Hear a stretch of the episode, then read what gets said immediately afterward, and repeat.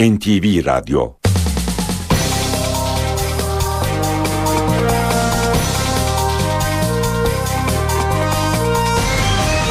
İşe giderken Mutlu sabahlar. Ben Aynur Altunkaş. Bugün 20 Ağustos Salı. İşe giderkenle karşınızdayız. Saat 9'a kadar Türkiye ve dünya gündemindeki gelişmeleri paylaşacağız. Gazete manşetlerini, piyasa verilerini, yol ve hava durumlarını aktaracağız. Önce gündemin öne çıkan başlıklarına bakalım. Mısır'da darbe yönetimi karşıtı Müslüman Kardeşler Teşkilatı'nın lideri Muhammed Bedi tutuklandı. Türkiye'ye çağrılan Kahire Büyükelçisi dün Bakanlar Kurulu'na bilgi verdi. Başbakan Yardımcısı Bülent Arınç, Büyükelçinin kısa vadede Kahire'ye dönmeyeceğini açıkladı. Cumhurbaşkanı Abdullah Gül ile Başbakan Tayyip Erdoğan bugün saat 15'te Mısır'da yaşananları görüşmek üzere bir araya gelecek. Cumhuriyet Halk Partisi Genel Başkanı Kemal Kılıçdaroğlu beraberindeki heyetle bugün Irak'a gidecek. Ziyaret 4 gün sürecek. Başbakan Yardımcısı Bülent Arınç, Lübnan'da 11 gün önce kaçırılan iki Türk pilotun nerede olduklarının bilindiğini ve sağlık durumlarının iyi olduğunu söyledi. Trabzon sele teslim oldu. Yomra ilçesinde şiddetli sağanak nedeniyle taşan dere heyelana yol açtı. Kaybolan iki kadını arama çalışmaları sürüyor. Eskişehir'deki Gezi Parkı eylemlerinde dövülerek hayatını kaybeden Ali İsmail Korkmaz'ı anmak için Hatay'da yürüyüş düzenlendi. Eyleme polis müdahale etti. Galatasaray sezona galibiyetle başladı. Sarı Kırmızılı takım Türk Telekom Arena'da Gaziantep Sporu 2-1 yendi. Beşiktaş'ın şike iddiaları ile ilgili davasının Uluslararası Spor Tahkim Mahkemesi'ndeki duruşması bugün yapılacak. Fenerbahçe'nin duruşması ise yarın başlayacak. İşe giderken gazetelerin gündemi.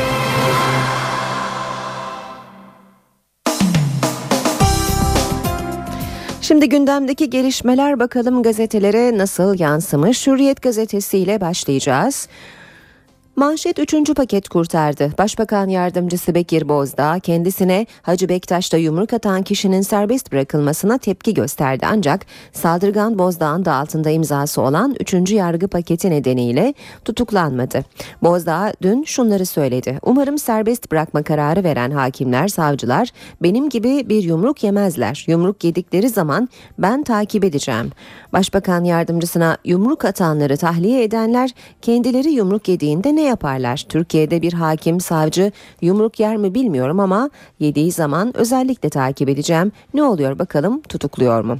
Hacı Bektaş'ta geçen cuma günkü törende Başbakan Yardımcısı Bekir Bozdağ yumruk atan Hüseyin Satı adli kontrol şartıyla serbest bırakılınca pişman değilim demişti.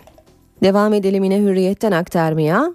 Pilotlardan iyi haber. Başbakan Yardımcısı Bülent Arınç, Lübnan'da kaçırılan Türk Hava Yolları pilotlarının nerede olduklarının az çok bilindiğini söyledi. Devam edelim yine hürriyetten aktarmaya. Erdoğan, Rusya ve Arjantin yolcusu. Başbakan 4 Eylül'de St. Petersburg'da yapılacak G20 zirvesine katılacak. 6 Eylül'de de Buenos Aires'e geçerek İstanbul'un da aday olduğu 2020 Olimpiyat oyunlarının yapılacağı kentin belirlenme toplantısına katıldıktan sonra 8 Eylül'de Türkiye'ye dönecek. Kılıçdaroğlu riske rağmen Irak'a gidiyor. CHP Genel Başkanı Kılıçdaroğlu, Başbakan Nuri El Maliki'nin davetlisi olarak bugün Irak'a gidiyor.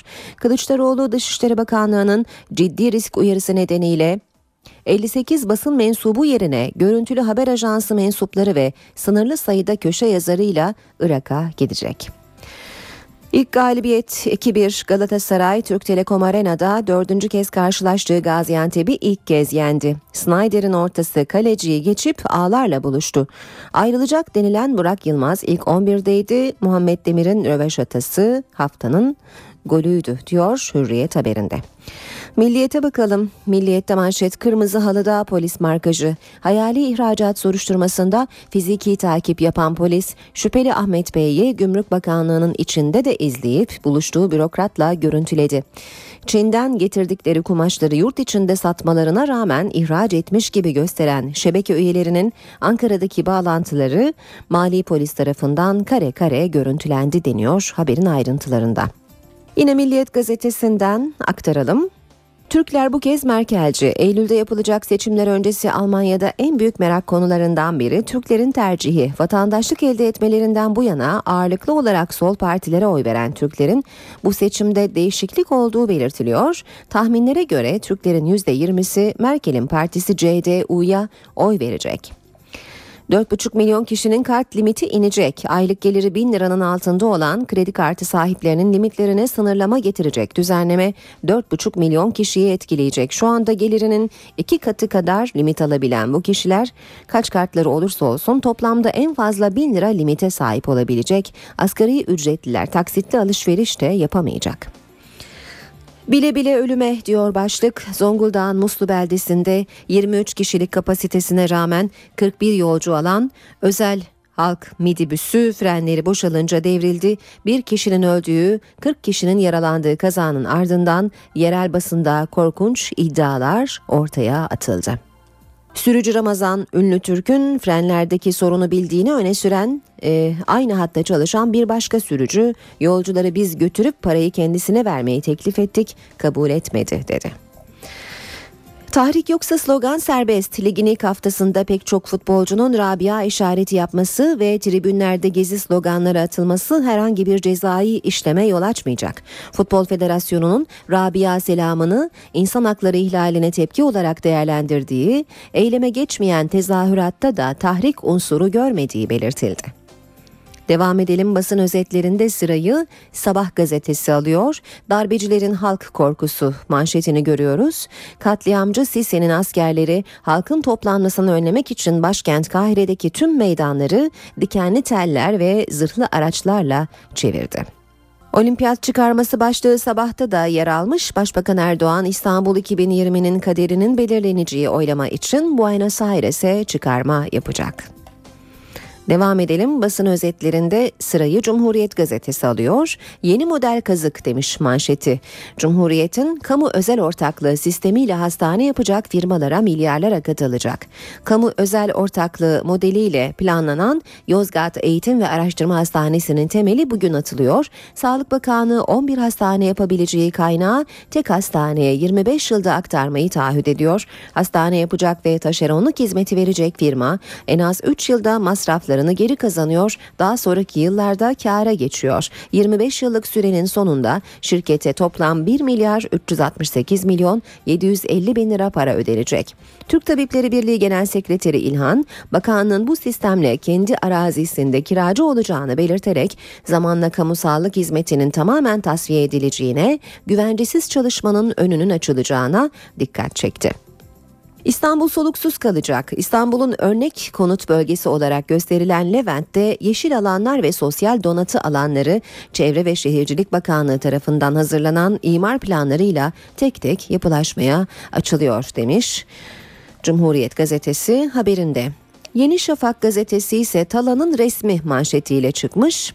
Uydu fotoğrafları Bodrum'un Torbayla güvercinli koylarındaki sahil ve orman talanını gözler önüne serdi. Yerel yönetimlerin verdiği izinler sonucu 2005'te bir tek yapının dahi olmadığı Torba beton koya dönüştü. Hem 2005 hem de 2013'te çekilen e, Torba koyunun uydu fotoğraflarını gösteriyor Yeni Şafak manşetinde. Devam ediyoruz basın özetlerinde sırayı Zaman Gazetesi alıyor. Hakem odalarında gizli kamera şoku demiş Zaman manşette. 3 stadın hakem odalarının izlendiği ortaya çıktı. Süper Lig maçlarının oynandığı bazı stadlardaki hakem odalarının izlendiği bilgisi hakem camiasını şoke etti. Olay Sapanca'daki yaz seminerinde Temsilciler Kurulu Başkanı Fatih Tanfer'in konuşmasında ortaya çıktı. İddialara göre Tanfer 3 stadta temsilcilerimiz kontrol yaparken gizli kamera buldu dedi. Kameraları kim yerleştirdi sorusuna ise cevap vermedi. Şimdi Habertürk var sırada lise leaks skandalı diyor Habertürk sürmanşette. Binlerce liselinin e-okuldaki kişisel bilgileri internete sızdı. Olay Alman lisesinden bir velinin dikkatiyle ortaya çıktı. Öğrenci ve velinin adı, e-posta adresi ve telefonlarının internete düştüğü anlaşılınca okul milli eğitime başvurdu. Müfettiş görevlendirildi. Gözde liseler gibi azınlık liselerinden de bilgi sızdığı anlaşıldı. E-okula bilgi vermeyen İstanbul ve Galatasaray ise sızmadan kurtuldu diyor Habertürk haberinde. Ve e, manşetine bakalım Habertürk'ün Türkiye fonu kuruluyor. Türkiye'nin stratejik yatırımlarına kaynak sağlanması için 40 milyar dolar hedefli ülke yatırım fonu kuruluyor. Türkiye dünyada devlet yatırım fonuna sahip 73. ülke oluyor. Hedef özel sektörün gücünün yetmediği büyük projelere finansman yaratmak ve dış kaynaklı dalgalanmalara karşı istikrar sağlamak. Taraf gazetesiyle devam edelim. Tarafta manşet yeni anayasa için kırmızı çarşamba. Dört parti yarın toplanacak anayasa komisyonunda vatandaşlık, resmi dil ve ana dilde eğitimi içeren kırmızı çizgiler için vuruşacak. CHP ve MHP anayasada ilk üç maddeyle bunların değiştirilmesini dahi teklif edilme bunların değiştirilmesini dahi teklif edilmesini yasaklayan dördüncü maddeyi kırmızı çizgi ilan etti. BDP ana dilde eğitimi savunurken AKP ve MHP buna karşı çıkıyor. AKP vatandaşlık için Türkiye Cumhuriyeti vatandaşı, CHP Türk vatandaşlığı, MHP Türk vatandaşı, BDP ise Türkiye vatandaşlığı ifadesini öneriyor diyor taraf haberinde. Radikale bakalım bir bostan üç proje demiş Radikal manşette. Yedi Kule'deki tarihi bostanların yerine yapılmak istenen park için üç farklı proje olduğu ortaya çıktı. Fatih Belediyesi'nin yeşil alan bıraktığı bölge koruma kurulundan geçirilen Avan projede imara açılmış görünüyor. Akşam gazetesinde ise manşet katliamcı Sisi'yi Bibi pazarlayacak. Mısır'da yaşananlarla ilgili sessizliği merak konusu olan İsrail'in gizli planı deşifre oldu demiş Akşam gazetesi. İsrail Başbakanı Benjamin Netanyahu'nun büyükelçilere batılı başkentler nezdinde Mısır ordusunu desteklemeleri için talimat verdiği ortaya çıktı. Ve Star gazetesiyle bitirelim basın özetlerini. Mumya'nın ipi gevşedi. Mısır'da seçilmiş Cumhurbaşkanı Mursi'yi hapse atan junta 32 yıl ülkeyi demir yumrukla yöneten eski darbeci mübareği işlediği suçlardan bir bir aklıyor. Kahire Ceza Mahkemesi 25 Ocak devriminden önce Tahrir Meydanı'ndaki mübarek karşıtı eylemlerde 900 göstericinin öldürülmesinden suçsuz bulduğu eski diktatörü saray onarımında zimmetine para geçirmekten de temize çıkardı. Devrik diktatör Demirtaş iki gün içinde yolsuzluk suçlamasıyla yeniden hakim karşısına çıkacak. Saat 7.18 gündemdeki gelişmelerin ayrıntılarıyla devam edelim. Trabzon sele teslim oldu. Yomra ilçesinde şiddetli sağanak nedeniyle taşan dere heyelana yol açtı. İki kişiden haber alınamıyor. Şiddetli sağanak heyelana yol açtı. İki kişiden haber alınamıyor. Trabzon'un Yomra ilçesinde gün boyu etkili olan yağmur iki su deresine taşırdı. Taşkın nedeniyle heyelan oluştu. Yomra Özdil yolu ulaşıma kapandı. Gelin ve kaynan oldukları belirlenen Memnune Ateş ve Şakire Ateş selde kayboldu. Ekipler heyelan tehlikesine karşın arama çalışmaları için sabaha kadar bekledi. Yollarda mahsur kalan 100 araç iş makineleriyle kurtarıldı. Başbakanlık Afet ve Acil Durum Yönetimi Başkanlığı da köylerde mahsur kalan yaklaşık 500 kişinin kurtarıldığını duyurdu. Sınırlarımızın dışına uzanalım şimdi de Mısır'dan sıcak bir gelişmeyi aktaralım. Müslüman Kardeşler Teşkilatı'nın lideri Muhammed Bedi'i Kahire'de tutuklandı. Bedi'i Kahire'de Devlet Cumhurbaşkanı Muhammed Mursi destekçilerinin toplandığı Adeviye Meydanı yakınındaki bir evde gözaltına alındı. Bedi'i Haziran ayında Müslüman Kardeşler Merkez Binası önünde Mursi karşıtı 8 göstericinin öldürülmesi ve halkı şiddete teşvik etmekle suçlanıyor. Bedi'nin sıkı güvenlik önlemleriyle korunan El Akrep hapishane, hapishanesine nakledildiği bildirildi. Bedi'nin 38 yaşındaki oğlu da geçen haftaki kanlı müdahale sırasında hayatını kaybetmişti. Dün Sina Yarımadası'nda bombalı saldırıda öldürülen 25 polis için ülkede 3 günlük yas ilan edildi. Saldırının ardından Mısır Filistinlere Fas sınır kapısını bir hafta kapatma kararı aldı. Mısır'da yaşananlar dün Bakanlar Kurulu'nda ayrıntılı bir şekilde ele alındı. Türkiye'ye çağrılan Kahire Büyükelçisi Hüseyin Avni Botsalı da kurula bilgi verdi. Toplantı sonrası açıklama yapan hükümet sözcüsü Bülent Arınç, Büyükelçinin hemen dönmeyeceğini söyledi. Arınç, gözaltındaki Türk gazeteci Metin Turan'ın da serbest bırakılmasını ümit ettiklerini belirtti. İstişareler için Türkiye'ye çağrılan Türkiye'nin Kahire Büyükelçisi Hüseyin Avni Botsalı, Bakanlar Kurulu toplantısında kabine üyelerine 2 saat süren briefing verdi. Toplantı sonrasında konuşan Başbakan Yardımcısı Bülent Arınç, Büyükelçinin kısa vadede Kahire'ye dönmeyeceğini açıkladı. Bu karşılıklı bir şeydir. Şu an için böyle bir ihtimal görünmüyor. Yani bugünden yarına Sayın Büyükelçinin tekrar Mısır'a görevlendirilmesi söz konusu değildir. Gelişmelere bakarak bunu değerlendireceğiz. Toplantıda Mısır'da yaşayan yaklaşık 5000 Türk vatandaşının güvenliği de masaya yatırıldı. Tahliye planları gözden geçirildi. Şu anda o aşamada değil. Acil bir durum gerektirdiğinde Allah saklasın en kısa zamanda tahliye edilebilecek durumda. Bunun köprüsü ve bunun hazırlıkları planlanmış durumda. Ama şu anda vatandaşlarımıza yönelik bir endişe veya bir şüphe veya bir beklenti içerisinde değiliz. Arınç, Mısır'da iç savaş riskine bir kez daha dikkat çekti. Şimdi bu olaylar her yerde olmaya başlarsa bir iç savaş tehlikesi bekliyor demektir. Hür seçimler yapılmalı. İhvanın bir terör örgütü olarak yasaklanabileceği böyle bir ihtimal onların intiharı olur. Arınç halen gözaltında tutulan TRT muhabiri Metin Turan'ın da serbest bırakılmasını ümit ediyoruz dedi. Bu arada CHP Genel Başkanı Kemal Kılıçdaroğlu da gazeteci Turan'ın en kısa zamanda özgürlüğüne kavuşturulması gerektiğini söyledi. Kılıçdaroğlu yazılı açıklamasında Mısır'daki darbeyle başta iletişim özgürlüğü olmak üzere temel hak ve özgürlüklerin askıya alındığını söyledi. Öncelikle de gazetecilerin hedefe oturtulduğunu ifade etti. Kılıçdaroğlu Anadolu Ajansı muhabiri Hibe Zekeriya'nın serbest bırakılmasından memnuniyet duyduğunu da vurguladı. Cumhurbaşkanı Abdullah Gül ile Başbakan Tayyip Erdoğan bugün saat 15'te Mısır'da yaşananları görüşmek üzere bir araya gelecek. Çankaya Köşkü'ndeki görüşmede istişare için Türkiye'ye çağrılan Kahire Büyükelçisi Hüseyin Avni Botsalı'nın verdiği bilgiler çerçevesinde Mısır'da yaşananlarla Amerika Birleşik Devletleri ve Avrupa Birliği ile yapılan temaslar ele alınacak. Bu arada dün sabah saatlerinde Büyükelçi Botsalı ile görüşen Cumhurbaşkanı Gül, Büyükelçinin istişare için Ankara'ya çağrıldığını hatırlattı. Yetkili yetkili ağızdan Mısır'daki gelişmeleri dinledim. Mısır'ın kaostan çıkması için nasıl bir yardımımız olur onu konuştuk dedi. Mısır konusunda sessiz kalmakla suçlanan Avrupa Birliği atacağı adımı düşünüyor. Avrupa Birliği Dışişleri Bakanlarının yarın yapacağı toplantının gündeminde Mısır'a silah ambargosu, mali yardımların dondurulması ve bu ülkeye tanınan ticari imtiyazların askıya alınması gibi tedbirler yer alıyor. Mısır'daki darbe yönetiminin en büyük destekçisi Suudi Arabistan'dansa yeni açıklama geldi. Dışişleri Bakanı El Faysal, Batılıların Mısır'a yardımı kesmesi halinde bunu maddi açıdan telafi etmeye etmeye hazır olduklarını vurguladı.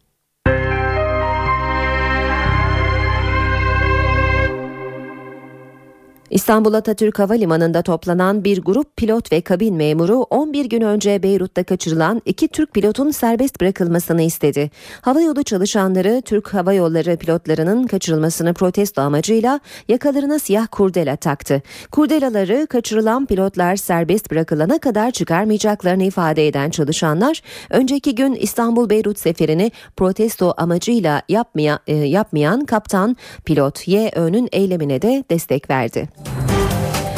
Arada Başbakan Yardımcısı Bülent Arınç, Lübnan'da 11 gün önce kaçırılan iki Türk pilotun nerede olduklarının bilindiğini ve sağlık durumlarının iyi olduğunu söyledi. Türkiye-Suriye sınırında akşam saatlerinde yine silah sesleri duyuldu. Ceylanpınar'a iki havan topu isabet etti. El Nusra üyeleri PYD'nin irtibat bürosu olarak kullandığı Ceylanpınar sınır kapısı yakınındaki binayı tanklarla vurdu. Çatışmalarda ateşlenen iki havan topundan biri Ceylanpınar'da boş bir araziye, diğeri ise tarlaya düştü. Ekili alanda çıkan yangın itfaiyenin hızlı müdahalesiyle söndürüldü. Sıçrayan şarapnel parçaları hükümet konağı önündeki araçlarda hasara yol açtı. Suriye'nin kuzeyinde yoğunlaşan çatışmalar yüzünden Kuzey Irak'a göç devam ediyor. Son 5 günde Irak'a sığınanların sayısı 30 bini aştı. Irak'ın kuzeyindeki bölgesel yönetim zor durumda. Suriye-Irak sınırında tam bir insani dram yaşanıyor. Dramın nedeni Suriye'nin kuzeyinde yoğunlaşan çatışmalar. Kürt gruplarla El-Kaide bağlantılı El-Nusra cephesi arasındaki çatışmalar nedeniyle Irak'a sığınanların sayısı her geçen saat artıyor. Kuzey Irak'a göç dalgası Perşembe günü başladı. 5 günde sayı 30 bini aştı. Dicle üzerindeki seyyar köprüyü geçerek Kuzey Irak'a sığınan Suriyeli Kürtler için Birleşmiş Milletler Erbil yakınlarında bir mülteci kampı oluşturdu. İlk olarak mültecilere koruma ve yardım sağlıyoruz. Çadır, mutfak seti, battaniye ve vantilatör gibi araç gereç ve malzeme dağıtıyoruz. Ülkelerindeki ölümden kaçarak kampın yolunu tutan Suriyeli Kürtlerin sayısı hızla artıyor. Mülteci akınıyla baş etmeye çalışan Birleşmiş Milletler özellikle su ve sağlık malzemelerine ihtiyaç duyulduğunu belirtiyor. Bu arada Cumhuriyet Halk Partisi Genel Başkanı Kemal Kılıçdaroğlu beraberindeki heyetle bugün Irak'a gidiyor. Ziyaret 4 gün sürecek. Ziyaret Irak Başbakanı Nuri El Maliki'nin daveti üzerine gerçekleştiriliyor.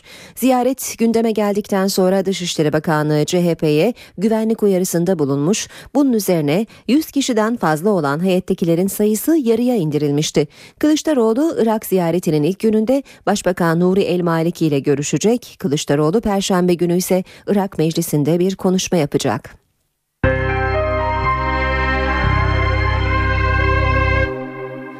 Eskişehir'de Gezi Parkı eylemleri sırasında eli sopalı kişiler tarafından darp edildikten sonra hayatını kaybeden Ali İsmail Korkmaz'ı anmak için Hatay'da yürüyüş düzenlendi. Armutlu Mahallesi'nde toplanan grup Gündüz Caddesi'ne doğru yürüyüşe geçti. Polis grubun daha fazla yürümesine izin vermedi. Dağılmak istemeyen kalabalığa biber gazı ve tazikli suyla müdahale edildi. Ara sokaklara kaçan eylemcilerle polis arasındaki gerginlik yer yer devam etti. Bu arada Ali İsmail Korkmaz'ın yeni görüntüleri de ortaya çıktı. Görüntüler darp edildikten sonra arkadaşlarıyla gittiği özel hastanenin güvenlik kamerasına ait. Görüntülerde Korkmaz kolu sargılı halde hastane koridorlarında dolaşıyor. Kendisine verilen raporu arkadaşlarıyla inceliyor. Ali İsmail Korkmaz burada beyin tomografisi çekilemediği için Yunus Emre Devlet Hastanesi'ne yönlendirilmişti. Hastanede merdivenden düştüğünü söyleyen Korkmaz'a kolu alçıya alınıp bilinci yerinde teşhisi konulmuş tomografi sonrası 3,5 saat gözlem altında tutulmuştu. Korkmaz evine döndükten sonra fenalaşıp tekrar hastaneye kaldırılmış. Olaydan 38 gün sonra da ölmüştü. 19 yaşındaki gencin ölümüyle ilgili soruşturma da sürüyor. Eskişehir valisi Güngör Azim Tuna silindikten sonra kurtarılan güvenlik kamerası görüntüleriyle ilgili konuştu. Vali o görüntüler polis tarafından hemen toplanıp adli makamlara teslim edildi. O noktada bir karartma, gizleme söz konusu değil. İş yeri sahibi tarafından silinen görüntüler teknoloji sayesinde geri kazandırıldı dedi. Olayla ilgili bir polis, dört kişi tutuklu. Tutuklananlardan üçü görüntüleri sildikleri iddia edilen fırın çalışanları. Başbakan Yardımcısı Bekir Bozdağ Hacı Bektaş'ı veliyi anma töreninde uğradığı yumruklu saldırıyı gerçekleştiren kişinin serbest bırakılmasına tepki gösterdi. Bozdağ, Umarım bu kararı veren hakimler, savcılar benim gibi yumruk yemez, yumruk yediklerinde takip edeceğim, bakalım ne yapacaklar dedi. Bozdağ saldırı karşısındaki tutumu nedeniyle CHP'yi de eleştirdi. Başbakan yardımcısı, ana muhalefet lideri de oradaydı ama olayı kınamadı, himaye eder tavır içinde oldular dedi. Eleştirilere CHP'li Adnan Keskin cevap verdi. Keskin, Bozdağ'ın bu olay üzerinden siyasi prim yapmaya çalıştığını söyledi. Saldırı Bakanlar Kurulu'nun da gündemindeydi. Başbakan Yardımcısı Bülent Arınç, olayı soruşturmakla görevlendirilen iki mülkiye baş müfettişinin raporu doğrultusunda iki polise işten el çektirildiğini açıkladı.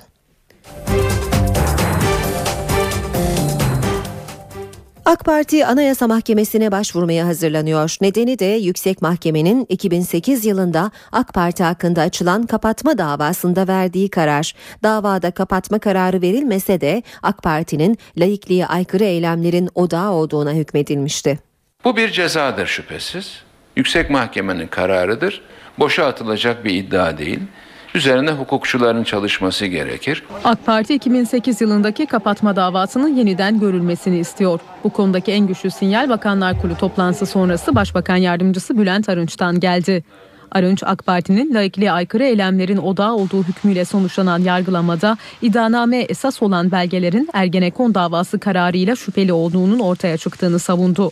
Yargıtay Cumhuriyet Başsavcısının alelacele iktidarda olan bir parti hakkında açtığı davada bütün deliller 400 tane kağıt parçasından ibaretti. Doğruluğu şüpheli olan pek çok medyaya yansımış haber diyelim. Başka düzmece delillerle bu partinin kapatılmak istendiği ki bu da bir mahkeme kararıyla neredeyse ortaya çıktı. Bülent Arınç Ergenekon kararıyla ortaya çıkan yeni durum karşısında Anayasa Mahkemesi'nin kararını yeniden gözden geçirmesi iddiasının boş olmadığını söyledi. Konunun partinin yetkili organlarında ele alınacağını belirtti. Ben Merkez Karar Yönetim Kurulu toplantısında bu konu görüşülebilir diye düşünüyorum. Görüşülmesi gerekir. Başbakan Erdoğan da Türkmenistan dönüşünde partisinin yeniden yargılama hazırlığına ilişkin parti kurmaylarına talimat verdiğini açıklamıştı. Mısır'da darbe yönetimi karşıtı Müslüman Kardeşler Teşkilatı'nın lideri Muhammed Bedi tutuklandı. Türkiye'ye çağrılan Kahire Büyükelçisi dün Bakanlar Kurulu'na bilgi verdi. Başbakan Yardımcısı Bülent Arınç, Büyükelçinin kısa vadede Kahire'ye dönmeyeceğini açıkladı. Cumhurbaşkanı Abdullah Gül ile Başbakan Tayyip Erdoğan bugün saat 15'te Mısır'da yaşananları görüşmek üzere bir araya gelecek. Cumhuriyet Halk Partisi Genel Başkanı Kemal Kılıçdaroğlu beraberindeki heyetle bugün Irak'a gidecek. Ziyaret 4 gün sürecek. Başbakan Yardımcısı Bülent Arınç, Lübnan'da 11 gün önce kaçırılan iki Türk pilotun nerede olduklarının bilindiğini ve sağlık durumlarının iyi olduğunu söyledi. Trabzon sele teslim olduğu Yomra ilçesinde şiddetli sağanak nedeniyle taşan dere heyelana yol açtı. Kaybolan iki kadını arama çalışmaları sürüyor. Eskişehir'deki Gezi Parkı eylemlerinde dövülerek hayatını kaybeden Ali İsmail Korkmaz'ı anmak için Hatay'da yürüyüş düzenlendi. Eyleme polis müdahale etti. Galatasaray sezona galibiyetle başladı. Sarı Kırmızılı takım Türk Telekom Arena'da Gaziantep Sporu 2-1 yendi. Beşiktaş'ın şike iddiaları ile ilgili davasının Uluslararası Spor Tahkim Mahkemesi'ndeki duruşması bugün yapılacak. Fenerbahçe'nin duruşması ise yarın başlayacak. İşe giderken gazetelerin gündemi.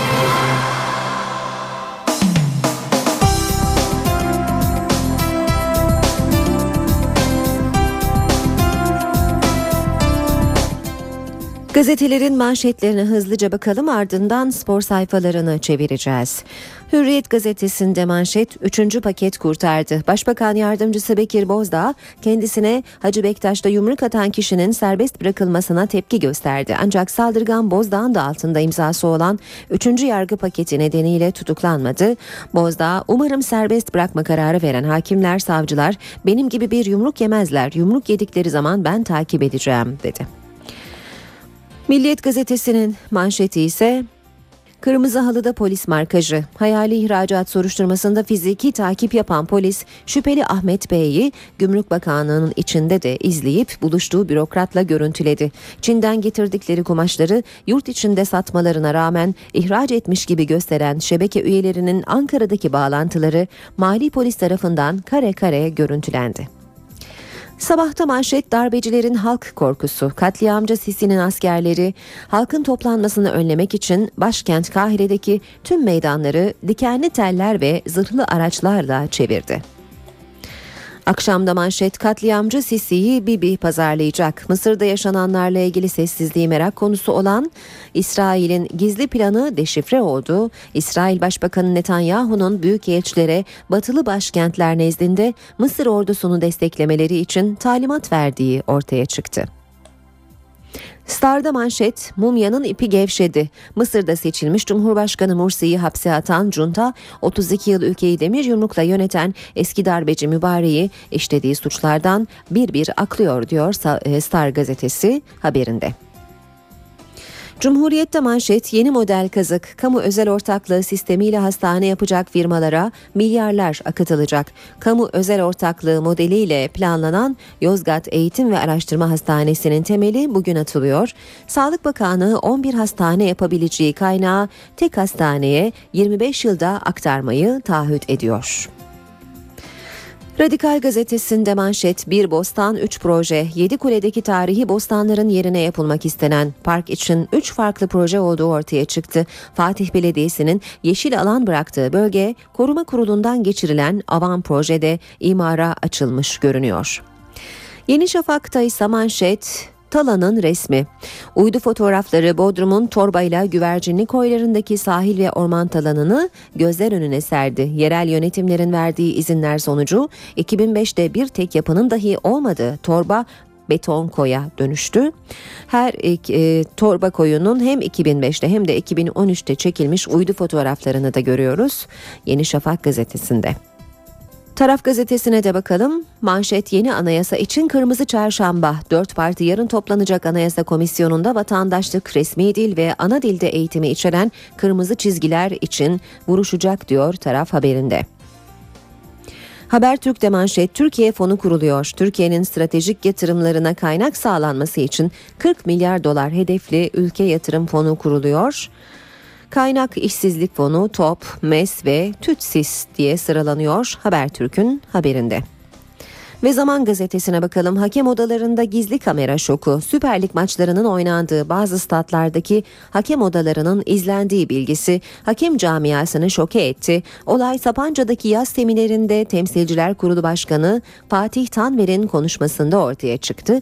İddialara göre Tanfer 3 statta temsilcilerimiz kontrol yaparken gizli kamera buldu dedi. Kameraları kim yerleştirdi sorusuna ise cevap vermedi.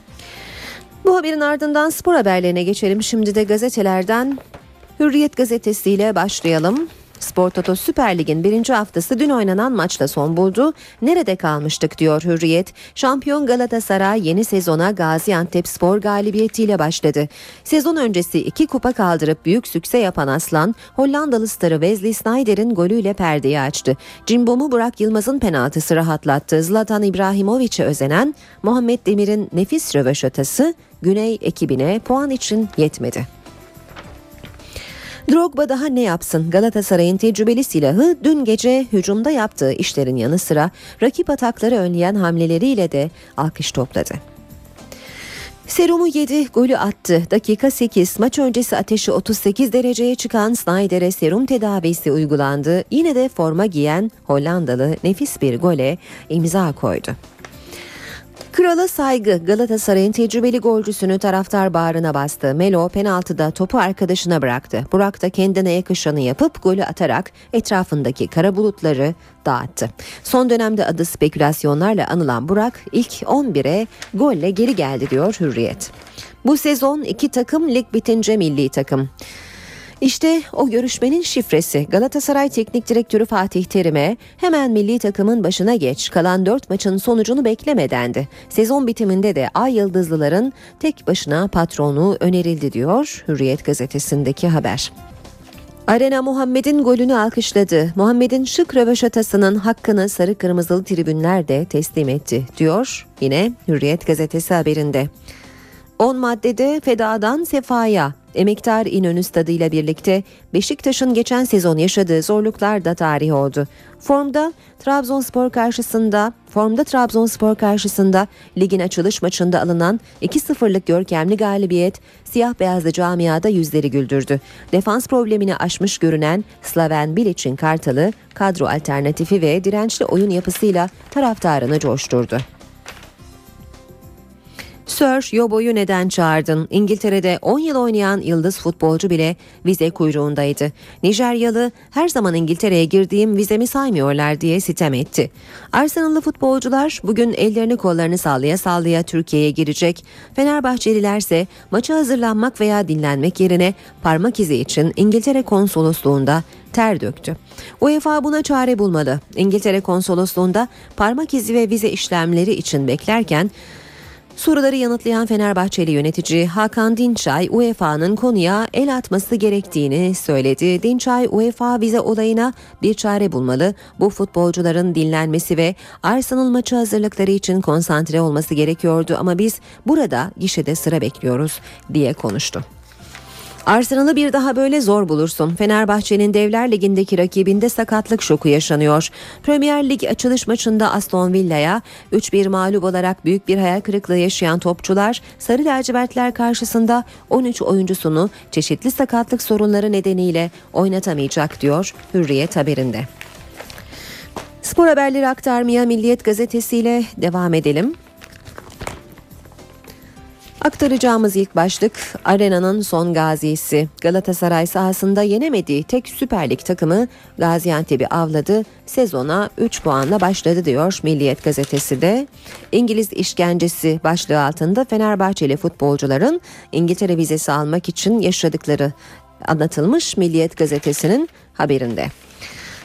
Son başlık yine milliyetten mucize adam Chris Lofton. Beşiktaş'ın yeni transferi Chris Lofton ülkemizde ikinci kez boy gösterecek. Daha önce Mersin Büyükşehir formasıyla izlediğimiz Amerikalı kansere karşı giriştiği savaşı kazanması, mesafe tanımaksızın attığı 3 sayılık şutlarıyla yine çok ilgi çekecek. Gazetelerden başlıklar aktardık. Gündemdeki gelişmelere yakından bakmaya devam edelim. İşe giderken Artık düz liseler yerine çok programlı liseler var. Peki bu liselerin eğitim sistemi nasıl ve yeni eğitim öğretim yılında öğrencileri hangi yenilikler bekliyor? Soruları İstanbul İl Milli Eğitim Müdürü Muammer Yıldız yanıtladı. Anadolu Lisesi'ne kazanamayan öğrenciler meslek lisesi ya da İmam Hatip Lisesi'ne mi gidecek? Kamuoyunda bu konu tartışılıyor.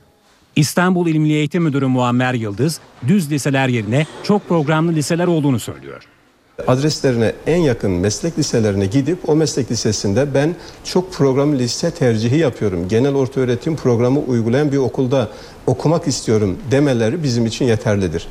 Peki çok programlı liselerde eğitim nasıl olacak? Çok programlı lisenin içerisinde İmam Hatip Lisesi programı olmayacak. Yani açacağımız yeni e, çok programlı lise diye adlandırdığımız meslek liselerinin bünyesinde sadece genel e, orta öğretim programı uygulayan okulumuz olacak. Alternatifsizim dememeleri için il genelinde her ilçede bir tane açıyoruz. Bu arada SBS'ye giren öğrenciler için de ek yerleştirme sürüyor. Son tarih 26 Ağustos.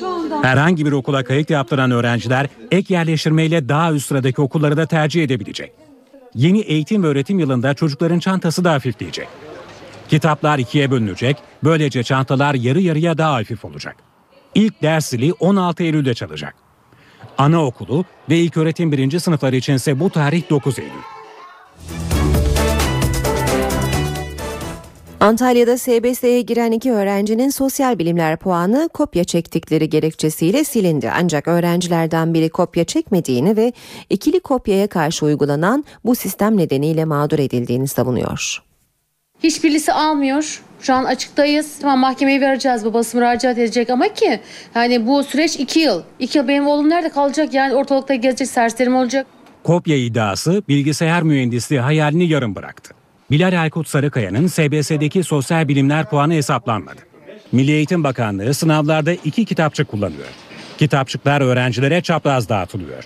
Optik okuyucu birbiriyle çapraz oturan öğrencilerin cevap anahtarlarını karşılaştırıyor. Aynı yanlışlar iki öğrencide de varsa puan siliniyor ve buna ikili kopya adı veriliyor. Uzmanlara göre sistem kopya çekmeyen öğrencileri mağdur ediyor. Siz çekmeyebilirsiniz, sizden çekilmiş olabilir, siz de kopya çekmiş sayılırsınız. Çünkü sınavın başında size kağıdınızı göstermeniz gereken öğütlenmiştir. Ama siz böyle göstermişsinizdir. Hedefindeki Anadolu liselerine puanı yetmeyen öğrenci Bilal Aykut Sarıkaya kopya çekmediğini savunuyor. Hani arkadaşlar ortamında falan e, ikili kopya diye dalga geçiyorlar. Polislik askeri sınavlarına girdiğime giremeyeceğim. Çünkü orada bana bir leke gibi yapış, yapıştı o ikili kopya sistemi. Kamera yerleştirsinler, bir sistem koysunlar. O zaman ikili kopya neymiş veya normal bir kopya mı her neyse ortaya çıkması için biz uğraşıyoruz. 4 yıldır SBS'ye hazırlanan genç ve ailesi yanlışın düzeltilmesini istiyor. Hangi ülke kaç saat çalışıyor sorusundan hareketle bir araştırma yapıldı. En çok çalışanların Asya'da olduğu ortaya çıktı. Çalışkanlığı ve iş disipliniyle ünlü Almanya'da ise çalışma saatleri tahmin edilenden çok daha az. Türkiye'deki mesai saatleri ise birçok Avrupa ülkesinden fazla. En çok Asyalılar çalışıyor. Almanya'da ise çalışma saatleri genel inanışın aksine çok daha az. Singapur, Hong Kong ve Güney Kore'de bir işçi yılda 2000 saatin üzerinde mesai yapıyor. Bu oran Avrupa'da 1500 saatin altına düşüyor. Dikkat çeken bir başka detaysa Almanya ile ilgili. Fransızlar yılda 1500 saat çalışırken Almanlar 1400 saat çalışıyor. ABD'de çalışma saatleri Avrupa'dan fazla. Amerikalı işçi yılda yaklaşık 1787 saat çalışıyor. Türkiye'de ise 1877'lik yıllık çalışma saatiyle coğrafi konuma paralel olarak Batı ile Doğu'nun arasında yer alıyor. Avrupa Birliği ülkeleriyle kıyaslandığında Türk işçisi en çok çalışanlar arasında yer alıyor. Edirne'de restorasyonu süren Büyük Sinagog bir yıl içinde kültür merkezi olarak hizmet verecek. Edirne Valiliği sinagogun kapılarını Yahudilerin ibadeti ve düğünleri için de açık tutacak. Edirne Büyük Sinagogu Avrupa'nın en büyük sinagoglarından biri olarak kabul edilen bu tarihi bina artık kültür merkezi olarak hizmet verecek. Binanın kapıları ibadet etmek isteyen Yahudilere de açık olacak. Büyük Sinagog Edirne'de 108 yıl önce çıkan yangında zarar gören 13 sinagogun yerine yaptırıldı. Ancak Yahudiler 1934 yılında kendilerine yönelik şiddet olaylarının ardından kenti terk etmeye başlayınca bina kullanılamaz hale geldi. 30 yıl öncesine kadar ibadete açık olan Edirne Büyük Sinagog'un duvarları çok yıprandı. Birkaç yıl önce de tavanı yıkıldı. Bir buçuk yıl önce başlayan restorasyon çalışmaları sürüyor. Restorasyon gelecek yıl bu zamanlara bitmiş olur. Ee, burayı güzel bir kültür merkezi yapma niyetindeyiz. Sinagog kültür merkezi olacak ama ibadetlerini, düğünlerini burada yapmak isteyen Yahudiler de unutulmadı. Yahudilerin kendi e, havralarında ve kiliselerinde ibadet yapması açısından bizim açısından bir mahsur olmadığını ifade ettim. Dediler bizim için düğünler de çok önemli. Düğün de yapmak isteriz. Dedim yeter ki her gün gelin düğün yapın ve her hafta sonu gelin düğün yapın. Restorasyon sürerken bile sinagoga ilgi azalmadı. Her gün onlarca turist tarihi sinagogdaki çalışmaları dışarıdan izliyor. NTV Radyo Yeni saate başlıyoruz. Herkese yeniden günaydın. Ben Aynur Altunkaş. Birazdan Gökhan Abuş yanımızda son tahminleri bize aktaracak. Son hava tahminlerini. Önce gündemdeki başlıkları hatırlayalım. Mısır'da darbe yönetimi karşıtı Müslüman Kardeşler Teşkilatı'nın lideri Muhammed Bedi tutuklandı. Türkiye'ye çağrılan Kahire Büyükelçisi dün Bakanlar Kurulu'na bilgi verdi. Başbakan Yardımcısı Bülent Arınç, Büyükelçinin kısa vadede Kahire'ye dönmeyeceğini açıkladı. Cumhurbaşkanı Abdullah Gül ile Başbakan Tayyip Erdoğan bugün saat 15'te Mısır'da yaşananları görüşmek üzere bir araya gelecek. Cumhuriyet Halk Partisi Genel Başkanı Kemal Kılıçdaroğlu beraberindeki heyetle bugün Irak'a gidecek. Ziyaret 4 gün sürecek. Başbakan Yardımcısı Bülent Arınç, Lübnan'da 11 gün önce kaçırılan iki Türk pilotun nerede olduklarının bilindiğini ve sağlık durumlarının iyi olduğunu söyledi.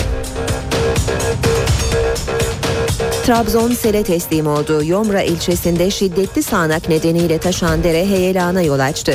Kaybolan iki kadını arama çalışmaları sürüyor. Eskişehir'deki Gezi Parkı eylemlerinde dövülerek hayatını kaybeden Ali İsmail Korkmaz'ı anmak için Hatay'da yürüyüş düzenlendi. Eyleme polis müdahale etti. Galatasaray sezona galibiyetle başladı. Sarı Kırmızılı takım Türk Telekom Arena'da Gaziantepspor'u 2-1 yendi. Beşiktaş'ın şike iddiaları ile ilgili davasının Uluslararası Spor Tahkim Mahkemesi'ndeki duruşması bugün yapılacak. Fenerbahçe'nin duruşması ise yarın başlayacak. Yurdun pek çok bölgesinde aşırı sıcak ve nem varken kimi yerlerde de yoğun yağış sele neden olabiliyor. Bu yerlerden biri de Trabzon. Ee, hocam e, önce günaydın sonra Günaydın. da Karadeniz'le başlayalım isterseniz. Evet bugün yağış Karadeniz'in kıyı kesimlerinde etkisini giderek kaybedecek. Bu kez e, risk e, özellikle Erzurum'dan başlayarak Erzurum, Kars, Ardahan, Ağrı ve Iğdır arasındaki bölgede e, gün içinde yine kuvvetli yağış bekliyoruz. Hava çok sıcak. Havanın çok sıcak olması özellikle nemin yüksek olduğu bölgelerde öğle saatlerinde hızlı yükselişle beraber CV dediğimiz bulutları geliştiriyor ve bu gelişen bulutlar hızlı bir şekilde yağışa sebep olabiliyor. Özellikle denizler çok fazla ısınır. Denizin fazla ısınması bu tip olayların etkisini özellikle sahil kesimlerinde daha da arttırabiliyor. İşte dünkü Trabzon'da görülen sağanak yağışta bu tip oluşan bir yağıştı. Bölgede kuvvetli yer yer kuvvetli sağanak yağmur geçişleri olacağını dün de belirtmiştik.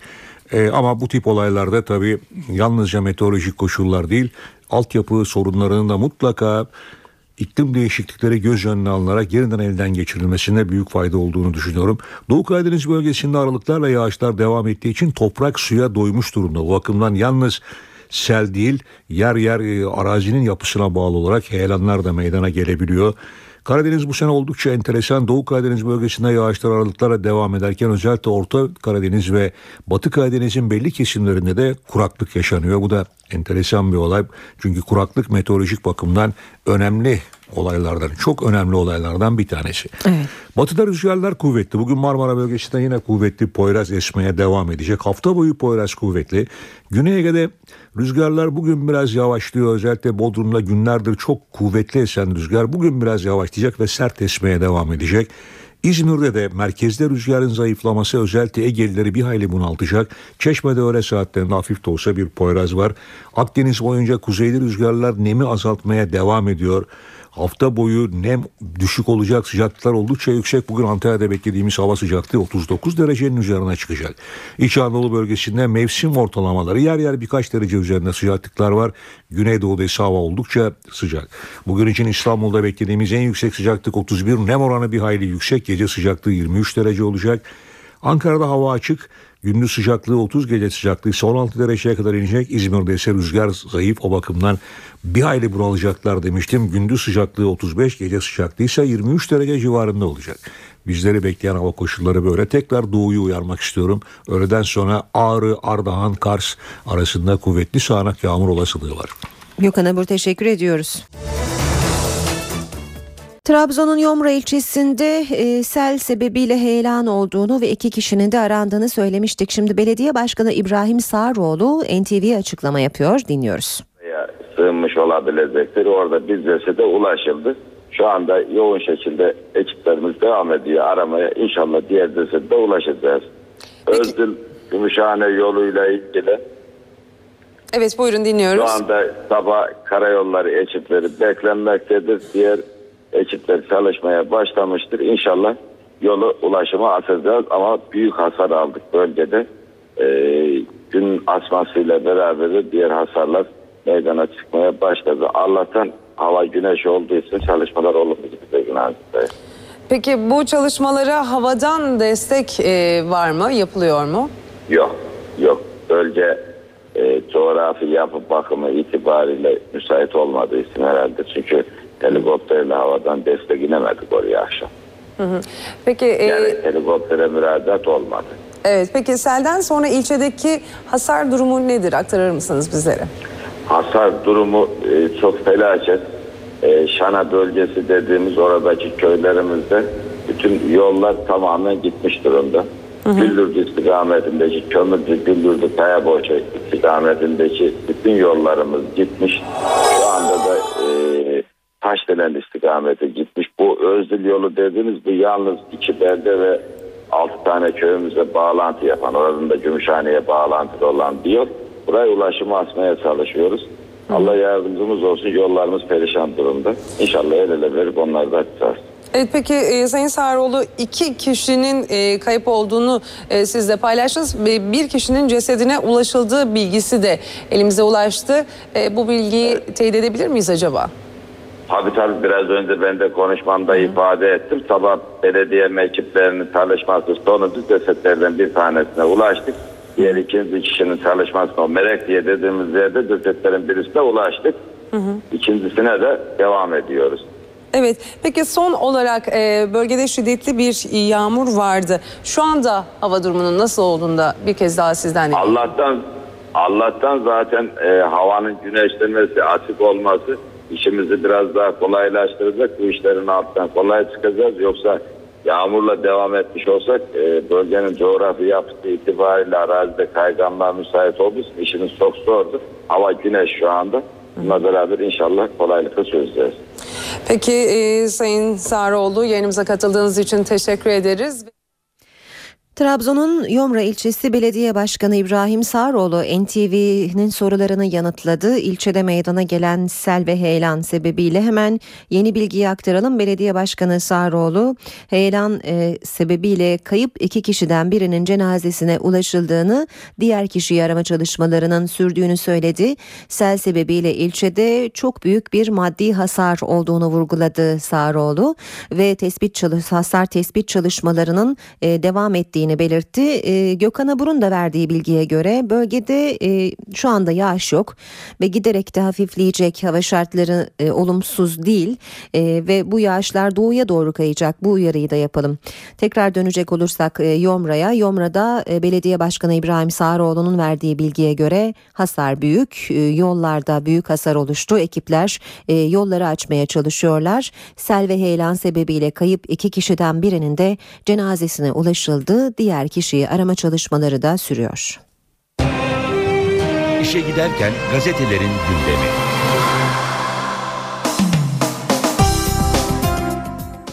Gazetelerin manşetlerine bakalım hızlıca. Hürriyet gazetesiyle başlayalım. Üçüncü paket kurtardı diyor Hürriyet manşette. Başbakan yardımcısı Bekir Bozdağ kendisine Hacı Bektaş'ta yumruk atan kişinin serbest bırakılmasına tepki gösterdi. Ancak saldırgan Bozdağ'ın da altında imzası olan üçüncü yargı paketi nedeniyle tutuklanmadı. Bozdağ umarım serbest bırakma kararı veren hakimler, savcılar benim gibi bir yumruk yemezler. Yumruk yedikleri zaman ben takip edeceğim dedi. Milliyet gazetesinde manşet, kırmızı halıda polis markajı, hayali ihracat soruşturmasında fiziki takip yapan polis şüpheli Ahmet Bey'i Gümrük Bakanlığı'nın içinde de izleyip buluştuğu bürokratla görüntüledi. Çin'den getirdikleri kumaşları yurt içinde satmalarına rağmen ihraç etmiş gibi gösteren şebeke üyelerinin Ankara'daki bağlantıları mali polis tarafından kare kare görüntülendi. Sabah gazetesinde manşet darbecilerin halk korkusu. Katliamcı Sisi'nin askerleri halkın toplanmasını önlemek için başkent Kahire'deki tüm meydanları dikenli teller ve zırhlı araçlarla çevirdi. Star'da manşet mumyanın ipi gevşedi. Mısır'da seçilmiş Cumhurbaşkanı Mursi'yi hapse atan junta 32 yıl ülkeyi demir yumrukla yöneten eski darbeci mübareği işlediği suçlardan bir bir aklıyor. Kahire Ceza Mahkemesi 25 Ocak devriminden önce Tahrir Meydanı'ndaki mübarek karşıtı eylemlerde 900 göstericinin öldürülmesinden suçsuz bulduğu eski diktatörü saray onarımında zimmetine para geçirmekten de temize çıkardı. Devrik diktatör iki gün içinde yolsuzluk suçlamasıyla yeniden hakim karşısına çıkacak. Akşam gazetesine de bakalım. Katliamcı Sisi'yi Bibi pazarlayacak. Mısır'da yaşananlarla ilgili sessizliği merak konusu olan İsrail'in gizli planı deşifre oldu. İsrail Başbakanı Netanyahu'nun büyükelçilere batılı başkentler nezdinde Mısır ordusunu desteklemeleri için talimat verdiği ortaya çıktı deniyor haberin devamında. Cumhuriyet gazetesine bakalım. Manşet yeni model kazık. Kamu özel ortaklığı sistemiyle hastane yapacak firmalara milyarlara katılacak. Kamu özel ortaklığı modeliyle planlanan Yozgat Eğitim ve Araştırma Hastanesi'nin temeli bugün atılıyor. Sağlık Bakanlığı 11 hastane yapabileceği kaynağı tek hastaneye 25 yılda aktarmayı taahhüt ediyor. Basın özetlerine devam edelim. Radikal gazetesine bakalım. Radikal'de manşet bir bostan 3 proje. Yedikule'deki tarihi bostanların yerine yapılmak istenen park için 3 farklı proje olduğu ortaya çıktı. Fatih Belediyesi'nin yeşil alan bıraktığı bölge koruma kurulundan geçirilen avan projede imara açılmış görünüyor. Yeni Şafak'ta da Talan'ın resmi başlığı manşette torba koyundan söz ediyor haber. Uydu fotoğrafları Bodrum'un torbayla güvercinlik koylarındaki sahil ve orman talanını gözler önüne serdi. Yerel yönetimlerin verdiği izinler sonucu 2005'te bir tek yapının dahi olmadı. Torba beton koya dönüştü. Uydu fotoğraflarıyla da destekliyor haberini Yeni Şafak. Zaman gazetesinde manşet hakem odalarında gizli kamera şoku, Süper Lig maçlarının oynandığı bazı statlardaki hakem odalarının izlendiği bilgisi hakem camiasını şoke etti. Olay Sapanca'daki yaz seminerinde Temsilciler Kurulu Başkanı Fatih Tanfer'in konuşmasında ortaya çıktı. İddialara göre Tanfer 3 statta temsilcilerimiz kontrol yaparken gizli kamera buldu dedi. Kameraları kim yerleştirdi sorusuna ise cevap vermedi. Ve tarafa bakacağız. Yeni anayasa için kırmızı çarşamba diyor manşeti tarafın. Dört parti yarın toplanacak anayasa komisyonunda vatandaşlık, resmi dil ve ana dilde eğitimi içeren kırmızı çizgiler için vuruşacak. İşe giderken. Şimdi bir yeni gelişme var bunu da aktaralım. CNN'e göre Amerika Birleşik Devletleri Mısır'a yönelik bazı askeri yardımlarını geçici olarak durdurma kararı aldı. Mısır'daki gelişmelerle ilgili yeni bir bilgi CNN kaynaklı. CNN e, CNN'in haberine göre Amerika Birleşik Devletleri Mısır'a yönelik bazı askeri yardımlarını geçici olarak durdurma kararı aldı. Haberle ilgili ayrıntılar bize ulaşınca sizlerle paylaşacağız. Şimdi başkente uzanacağız. Ankara gündemi.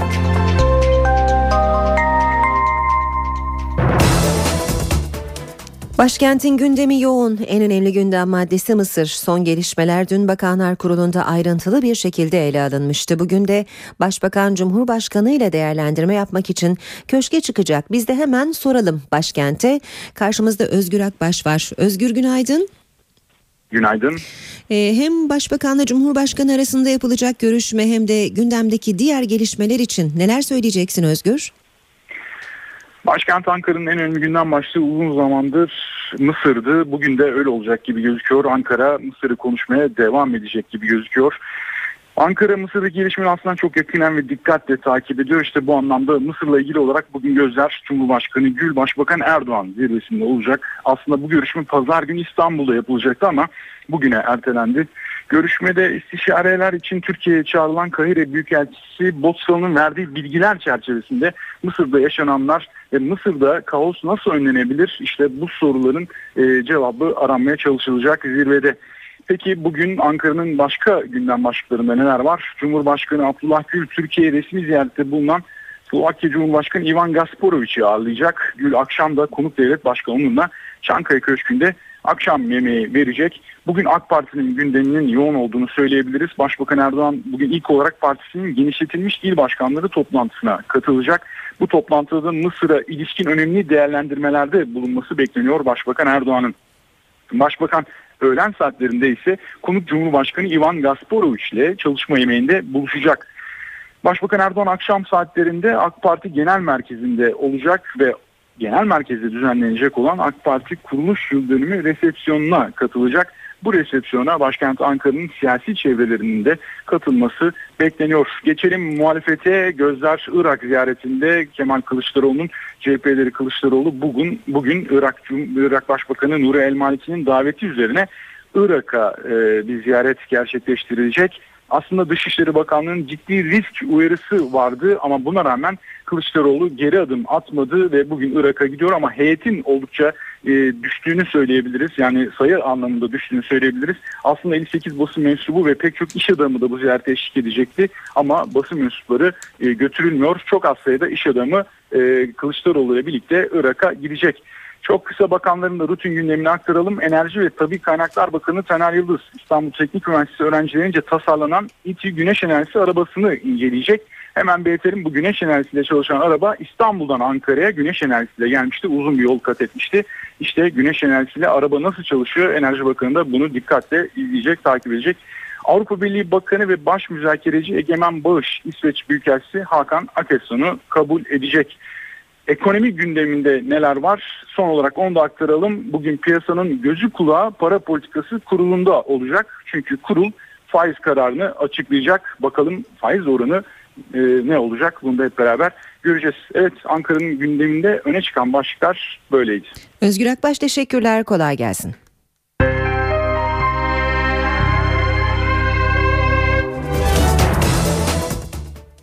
Gündemdeki gelişmelerin ayrıntılarını aktarmaya devam edelim. Yine başlık Mısır. Müslüman Kardeşler Teşkilatı'nın lideri Muhammed Bedi'i Kahire'de tutuklandı. Bedi'i Kahire'de Devrik Cumhurbaşkanı Muhammed Mursi destekçilerinin toplandığı Adeviye Meydanı yakınındaki bir evde gözaltına alındı. Bedi Haziran ayında Müslüman Kardeşler Merkez Binası önünde Mursi karşıtı 8 göstericinin öldürülmesi ve halkı şiddete teşvik etmekle suçlanıyor. Bedi'nin sıkı güvenlik önlemleri önlemleriyle korunan El Akrep hapishanesine nakledildiği bildirildi. Bedi'nin 38 yaşındaki oğlu da geçen haftaki kanlı müdahale sırasında hayatını kaybetmişti. Dün Sina Yarımadası'nda bombalı saldırıda öldürülen 25 polis için ülkede 3 günlük yaz ilan edildi. Saldırının ardından Filistin'de refah sınır kapısını bir hafta kapatma kararı aldı Mısır. Az önce aktardığımız haberi tekrar edelim. CNN televizyonuna göre Amerika Birleşik Devletleri Mısır'a yönelik bazı askeri yardımların geçici olarak e, yardımlarını geçici olarak durdurma kararı aldı. Mısır konusunda sessiz kalmakla suçlanan Avrupa Birliği ise atacağı adımı düşünüyor. Avrupa Birliği Dışişleri Bakanlarının yarın yapacağı toplantının gündeminde Mısır'a silah ambargosu, mali yardımların dondurulması ve bu ülkeye tanınan ticari imtiyazların askıya alınması gibi tehditler tedbirler yer alıyor. Mısır'daki darbe yönetiminin en büyük destekçisi Suudi Arabistan'dansa yine açıklama geldi. Dışişleri Bakanı El Faysal, Batılıların Mısır'a yardımı kesmesi halinde bunu maddi açıdan telafi etmeye hazır olduklarını vurguladı. Mısır'la ilgili küçük bir not daha ekleyip gündemdeki diğer gelişmeleri aktaracağız. İstanbul'daki Esenler Meydanı'nın adı Mısır'daki darbe karşıtlarının simgesi haline gelen Rabia işaretinden hareketle Rabia Meydanı olarak değiştirilebilir. Büyükşehir Belediye Başkanı Kadir Topbaş dün Esenler'de katıldığı bir programda Rabia işaretini yaptı. Dört Yol Meydanı'nın Rabia Meydanı olarak değiştirilebileceğinin sinyalini verdi. Topbaş hiçbir güç halkın iradesi iradesinin karşısına çıkamaz. Biz de Türkiye'den, Esenler'den, Rabia Meydanı'ndan dört yolu Rabia olarak dünyaya haykıralım der dedi. İşe giderken Eskişehir'de Gezi Parkı eylemleri sırasında eli sopalı kişiler tarafından darp edildikten sonra hayatını kaybeden Ali İsmail Korkmaz'ı anmak için Hatay'da yürüyüş düzenlendi. Armutlu mahallesinde toplanan grup Gündüz Caddesi'ne doğru yürüyüşe geçti. Polis grubun daha fazla yürümesine izin vermedi. Dağılmak istemeyen kalabalığa biber gazı ve tazikli suyla müdahale edildi. Ara sokaklara kaçan eylemcilerle polis arasındaki gerginlik yer yer devam etti. Türkiye-Suriye sınırında akşam saatlerinde yine silah sesleri duyuldu. Ceylanpınar'a iki havan topu isabet etti. El Nusra üyeleri PYD'nin irtibat bürosu olarak kullandığı Ceylanpınar sınır kapısı yakınındaki binayı tanklarla vurdu. Çatışmalarda ateşlenen iki havan topundan biri Ceylanpınar'da boş bir araziye, diğeri ise tarlaya düştü. Ekili alanda çıkan yangın itfaiyenin hızlı müdahalesiyle söndürüldü. Sıçrayan şarapnel parçaları hükümet konağı önündeki araçlarda hasara yol açtı. Suriye'nin kuzeyinde yoğunlaşan çatışmalar yüzünden Kuzey Irak'a göç devam ediyor. Son 5 günde Irak'a sığınanların sayısı 30 bini aştı. Irak'ın kuzeyindeki bölgesel yönetim zor durumda. Suriye-Irak sınırında tam bir insani dram yaşanıyor. Dramın nedeni Suriye'nin kuzeyinde yoğunlaşan çatışmalar. Kürt gruplarla EKD bağlantılı Ennusra cephesi arasındaki çatışmalar nedeniyle Irak'a sığınanların sayısı her geçen saat artıyor. Kuzey Irak'a göç dalgası Perşembe günü başladı. 5 günde sayı 30 bini aştı. Dicle üzerindeki seyyar köprüyü geçerek Kuzey Irak'a sığınan Suriyeli Kürtler için Birleşmiş Milletler Erbil yakınlarında bir mülteci kampı oluşturdu. İlk olarak mültecilere korunma ve yardım sağlıyoruz. Çadır, mutfak seti, battaniye ve vantilatör gibi araç gereç ve malzeme dağıtıyoruz. Ülkelerindeki ölümden kaçarak kampın yolunu tutan Suriyeli Kürtlerin sayısı hızla artıyor. Mülteci akınıyla baş etmeye çalışan Birleşmiş Milletler özellikle su ve sağlık malzemelerine ihtiyaç duyulduğunu belirtiyor.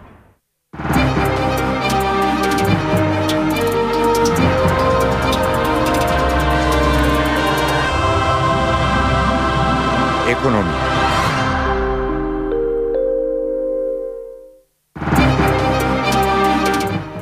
Şimdi piyasalara bakalım. Bugün faiz oranları açıklanacak. Piyasalar bu habere odaklanmış durumda. Dünse BIST 100 endeksi 1892 puan düşüşle 72.382 puandan kapandı. Kayıp %2,55 oranında. Bu sabah dolar 1.95 euro 2.61'den işlem görüyor. Euro dolar 1.33 dolar yen 98 düzeyinde. Altının onsu 1362 dolar. Kapalı çarşıda külçe altının gramı 86. Cumhuriyet altını 595. Çeyrek altın 149 liradan işlem görüyor. Brent petrolün varili ise 110 dolar. Trabzon sele teslim oldu. Yomra ilçesinde şiddetli sağanak nedeniyle taşan dere heyelana yol açtı. Kaybolan iki kadından birinin cesedine ulaşıldı. Diğeri için arama çalışmaları sürüyor. İlçede büyük maddi hasar var. Mısır'da darbe yönetimi karşıtı Müslüman Kardeşler Teşkilatı'nın lideri Muhammed Bedi'i tutuklandı. Türkiye'ye çağrılan Kahire Büyükelçisi dün Bakanlar Kurulu'na bilgi verdi. Başbakan Yardımcısı Bülent Arınç, Büyükelçinin kısa vadede Kahire'ye dönmeyeceğini açıkladı. Cumhurbaşkanı Abdullah Gül ile Başbakan Erdoğan bugün saat 15'te Mısır'da yaşananları görüşmek üzere bir araya gelecek. Cumhuriyet Halk Partisi Genel Başkanı Kemal Kılıçdaroğlu beraberindeki heyetle bugün Irak'a gidecek. Ziyaret 4 gün sürecek. Başbakan Yardımcısı Bülent Arınç, Lübnan'da 11 gün önce kaçırılan iki Türk pilotun nerede olduklarının bilindiğini ve sağlık durumlarının iyi olduğunu söyledi. Eskişehir'deki Gezi Parkı eylemlerinde dövülerek hayatını kaybeden Ali İsmail Korkmaz'ı anmak için Hatay'da yürüyüş düzenlendi. Eyleme polis müdahale etti. Galatasaray sezona galibiyetle başladı. Sarı kırmızılı takım Türk Telekom Arena'da Gaziantepspor'u 2-1 yendi. Beşiktaş'ın şike iddiaları ile ilgili davasının Uluslararası Spor Tahkim Mahkemesi'ndeki duruşması bugün yapılacak. Fenerbahçe'nin duruşması ise yarın başlayacak. Saat 8.38 NTV Radyo'da işe giderken de birlikteyiz. Trabzon'da sağanak yağışı sel, seli de heyelan takip etti. Yomra ilçesinde sele kapılan bir kişi öldü, bir kişi kayıp. Kayıp kişiyi arama çalışmaları sürüyor. Yollarda mahsur kalan yüz araçsa iş makineleriyle kurtarıldı. Başbakanlık Afet ve Acil Durum Yönetimi Başkanlığı da köylerde mahsur kalan yaklaşık 500 kişinin kurtarıldığını duyurdu. Mısır'la devam edelim. Müslüman Kardeşler Teşkilatı'nın lideri Muhammed Bedi'i Kahire'de tutuklandı. Bedi'i Kahire'de Devlet Cumhurbaşkanı Muhammed Mursi destekçilerinin toplandığı Adeviye Meydanı yakınındaki bir evde gözaltına alındı. Bedi Haziran ayında Müslüman Kardeşler Merkez Binası önünde Mursi karşıtı 8 göstericinin öldürülmesi ve halkı şiddete teşvik etmekle suçlanıyor. Bedi'nin sıkı güvenlik önlemleriyle korunan El Akrep hapishanesine nakledildiği bildirildi. Bedi'nin 38 yaşındaki oğlu da geçen haftaki kanlı müdahale sırasında hayatını kaybetmişti. Dün Sina Yarımadası'nda bombalı saldırıda öldürülen 25 polis için ülkede 3 günlük yas ilan edildi. Saldırının ardından Mısır, Filistinlere Fas sınır kapısını bir hafta kapatma kararı aldı. Mısır'da yaşananlar dün Bakanlar Kurulu'nda ayrıntılı bir şekilde ele alındı. Türkiye'ye çağrılan Kahire Büyükelçisi Hüseyin Avni Botsalı da kurula bilgi verdi. Toplantı sonrası açıklama yapan hükümet sözcüsü Bülent Arınç, Büyükelçinin hemen dönmeyeceğini söyledi. Arınç gözaltındaki Türk gazeteci Metin Turan'ın da serbest bırakılmasını ümit ettiklerini belirtti. İstişareler için Türkiye'ye çağrılan Türkiye'nin Kahire Büyükelçisi Hüseyin Avni Botsalı, Bakanlar Kurulu toplantısında kabine üyelerine 2 saat süren briefing verdi. Toplantı sonrasında konuşan Başbakan Yardımcısı Bülent Arınç, Büyükelçinin kısa vadede Kahire'ye dönmeyeceğini açıkladı. Bu karşılıklı bir şeydir. Şu an için böyle bir ihtimal görünmüyor. Yani bugünden yarına Sayın Büyükelçinin tekrar Mısır'a görevlendirilmesi söz konusu değildir. Gelişmelere bakarak bunu değerlendireceğiz. Toplantıda Mısır'da yaşayan yaklaşık 5000 Türk vatandaşının güvenliği de masaya yatırıldı. Tahliye planları gözden geçirildi. Şu anda o aşamada değil. Acil bir durum gerektirdiğinde Allah saklasın en kısa zamanda tahliye edilebilecek durumda bunun köprüsü ve bunun hazırlıkları planlanmış durumda. Ama şu anda vatandaşlarımıza yönelik bir endişe veya bir şüphe veya bir beklenti içerisinde değiliz. Arınç, Mısır'da iç savaş riskine bir kez daha dikkat çekti. Şimdi bu olaylar her yerde olmaya başlarsa bir iç savaş tehlikesi bekliyor demektir. Hür seçimler yapılmalı. İhvanın bir terör örgütü olarak yasaklanabileceği böyle bir ihtimal onların intiharı olur. Arınç halen gözaltında tutulan TRT muhabiri Metin Turan'ın da serbest bırakılmasını ümit ediyoruz dedi. Bu arada CHP Genel Başkanı Kemal Kılıçdaroğlu da gazeteci Turan'ın en kısa zamanda özgürlüğüne kavuşturulması gerektiğini söyledi. Kılıçdaroğlu yazılı açıklamasında Mısır'daki darbeyle başta iletişim özgürlüğü olmak üzere temel hak ve özgürlüklerin askıya alındığını söyledi. Öncelikle de gazetecilerin hedefe oturtulduğunu ifade etti. Kılıçdaroğlu Anadolu Ajansı muhabiri Hibe Zekeriya'nın serbest bırakılmasından memnuniyet duyduğunu da vurguladı. Bu arada Cumhuriyet Halk Partisi Genel Başkanı Kemal Kılıçdaroğlu beraberindeki heyetle bugün Irak'a gidiyor. Ziyaret 4 gün sürecek. Ziyaret Irak Başbakanı Nuri El Maliki'nin daveti üzerine gerçekleştiriliyor. Ziyaret gündeme geldikten sonra Dışişleri Bakanlığı CHP'ye güvenlik uyarısında bulunmuş. Bunun üzerine 100 kişiden fazla olan heyettekilerin sayısı yarıya indirilmişti. Kılıçdaroğlu Irak ziyaretinin ilk gününde Başbakan Nuri El Maliki ile görüşecek. Kılıçdaroğlu Perşembe günü ise Irak Meclisi Meclisi'nde bir konuşma yapacak.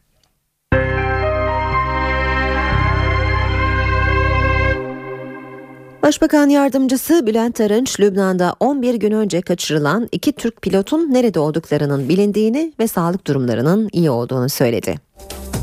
Bu arada İstanbul Atatürk Havalimanı'nda toplanan bir grup pilot ve kabin memuru 11 gün önce Beyrut'ta kaçırılan iki Türk pilotun serbest bırakılmasını istedi. Hava yolu çalışanları Türk Hava Yolları pilotlarının kaçırılmasını protesto amacıyla yakalarına siyah kurdela taktı. Kurdelaları kaçırılan pilotlar serbest bırakılana kadar çıkarmayacaklarını ifade eden çalışanlar önceki gün İstanbul Beyrut seferini protesto amacıyla yapmayan kaptan pilot Y Ö'nün eylemine de destek verdi. Başbakan Yardımcısı Bekir Bozdağ, Hacı Bektaş Veli'yi anma töreninde uğradığı yumruklu saldırıyı gerçekleştiren kişinin serbest bırakılmasına tepki gösterdi. Bozdağ, umarım bu kararı veren hakimler, savcılar benim gibi yumruk yemez, yumruk yediklerinde takip edeceğim bakalım ne yapacaklar dedi. Bozdağ saldırı karşısındaki tutumu nedeniyle CHP'yi de eleştirdi. Başbakan Yardımcısı, ana muhalefet lideri de oradaydı ama olayı kınamadı, himaye eder tavır içinde oldular dedi. Eleştirilere CHP'li Adnan Keskin cevap verdi. Keskin, Bozdağ'ın bu olay üzerinden siyasi prim yapmaya çalıştığını söyledi. Saldırı Bakanlar Kurulu'nun da gündemindeydi.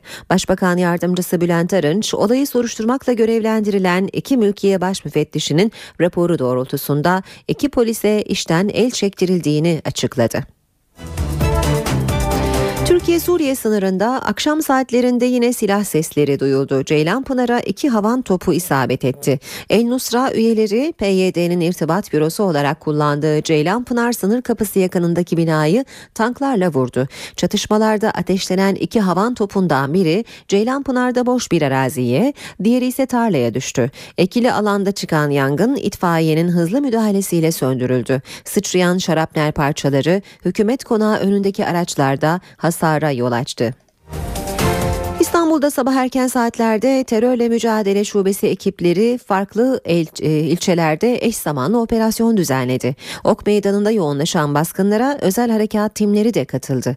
Polis daha önceden belirlenen adreslerde aramalar yaptı. Bazı şüpheliler gözaltına alındı.